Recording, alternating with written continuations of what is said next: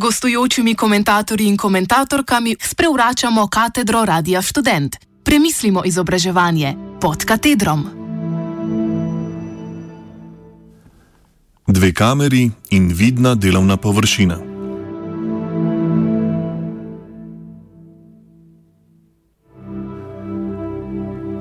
Oblike učinkovitega preverjanja znanja v času, ko slednje ne more biti opravljeno v prostorih temu namenjenih institucij, predstavljajo podlago za neprekinjeno polemiko. Ministrica za izobraževanje Simona Kustec je v preteklih mesecih naznanila, da bo vzgojno-izobraževalno delo v osnovnih in srednjih šolah organizirano v enem ocenevalnem obdobju, kar v praksi pomeni niže število pridobljenih ocen.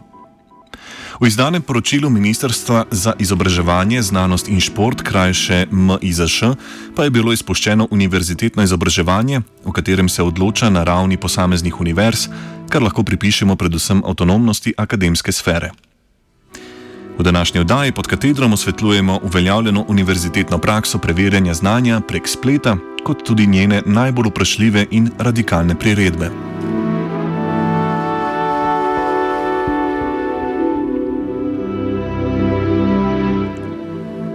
Večina fakultet je začetkom izvajanja kolokvijev in izpitev svojim študentkam in študentom poslala navodila, v katerih opisujejo načine opravljanja izpita prek spletnih platform. Najpogostejša praksa je sočasna uporaba telefona, s katerim prek Zuma posameznik profesorju omogoči pregled svoje delovne površine in opravljanje izpita na platformi exam.net.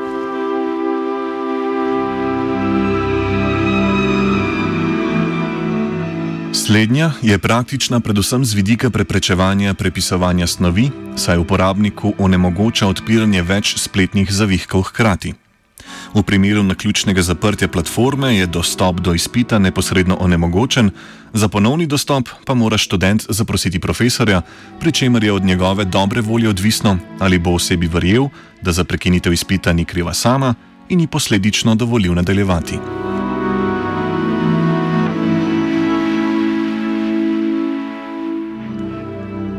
Problematična je tudi slaba internetna povezava, ki predstavlja enega izmed osrednjih razlogov za neopravičen padec izpita. Mnogi študenti imajo zaradi odročne lokacije bivanja ali preobremenjenega omrežja namreč oviren dostop do spleta. V sklopu ankete študentske organizacije Slovenije je bilo ugotovljeno, da ima spletno povezavo težave skoraj polovice vprašanih respondentov. Avtomatičen padec izpita zaradi tehničnih težav je torej absolutno sporen in predstavlja dodatno oviro pri doseganju uspešne zaključitve semestra v že tako oteženih izobraževalnih pogojih.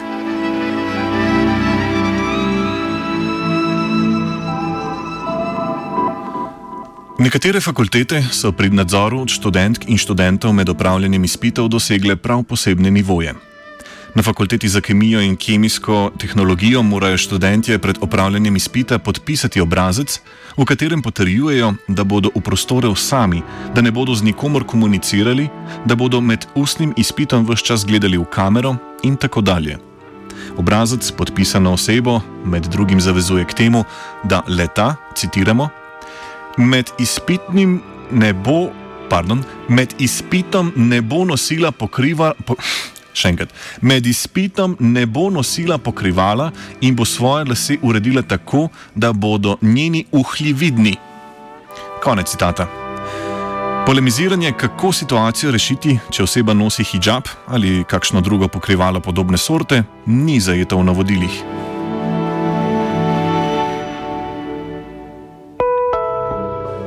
Pretirane prakse poseganja v posameznikovo zasebnost pri upravljanju izpitev so se poslužili tudi na fakulteti za računalništvo in informatiko, krajše FRI.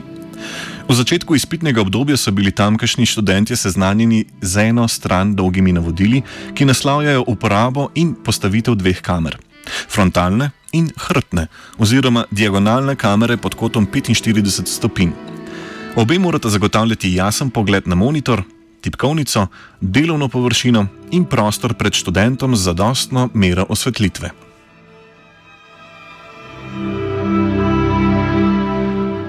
Študentje so glede spornosti navodil kontaktirali dekanjo, čemu je sledil odgovor profesorjev, da naj bi navodila prejeli strani Univerze v Ljubljani. V dneh po burnem odzivu študentov je sledil poziv prodekana Gašporja Fjauža, naslovljen na profesorice in profesore, ki jih spodbuja k premisleku o smotrnosti in primernosti podanih navodil.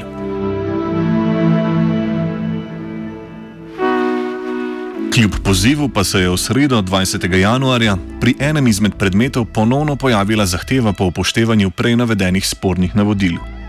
Študenti in študentke so pojasnili, da mnogi izmed njih nimajo na voljo dveh kamer, stalno preverjanje delovanja opreme pa odvrača pozornost in moti miselni proces med upravljanjem izpitnih nalog.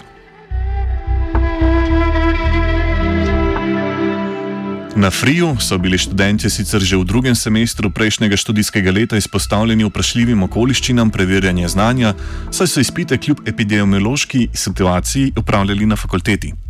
Pri tem so sicer bili upoštevani zakonski predpisi omejevanja širjenja virusa, vendar se sprašujemo, za kakšno ceno.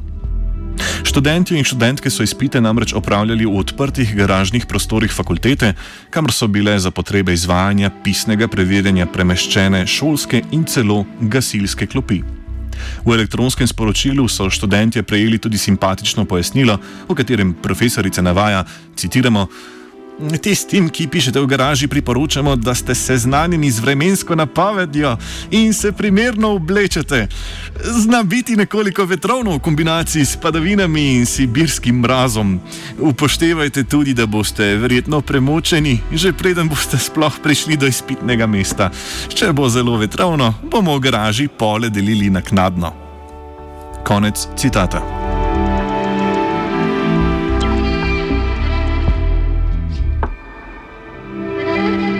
V času, ko srž debat predstavlja olajševanje, olajševanje okoliščin, da se kljub omejeni dostopnosti do opreme in hitre internetne povezave med študenti ohranjajo enake možnosti, nekatere institucije delujejo kontraproduktivno.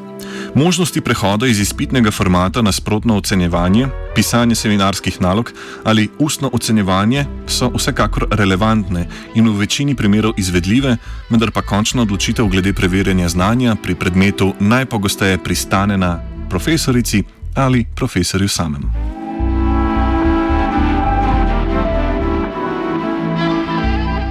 Trenutno obdobje vnaša mero negotovosti tudi na področje univerzitetnega izobraževanja.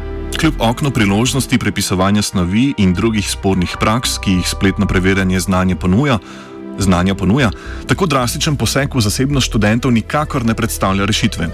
Skozi takšno organizacijo dela se namreč razgalja mera diskriminacije in ponovno poglabljanje neenakosti.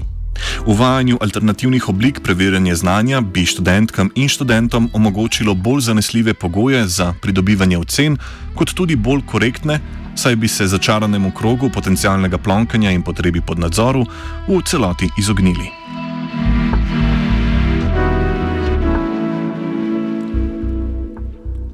O panoptičnih vzgibih nadzorovanja študentk in študentov je s pomočjo mentorice Maruše razmišljala vajenka Lori.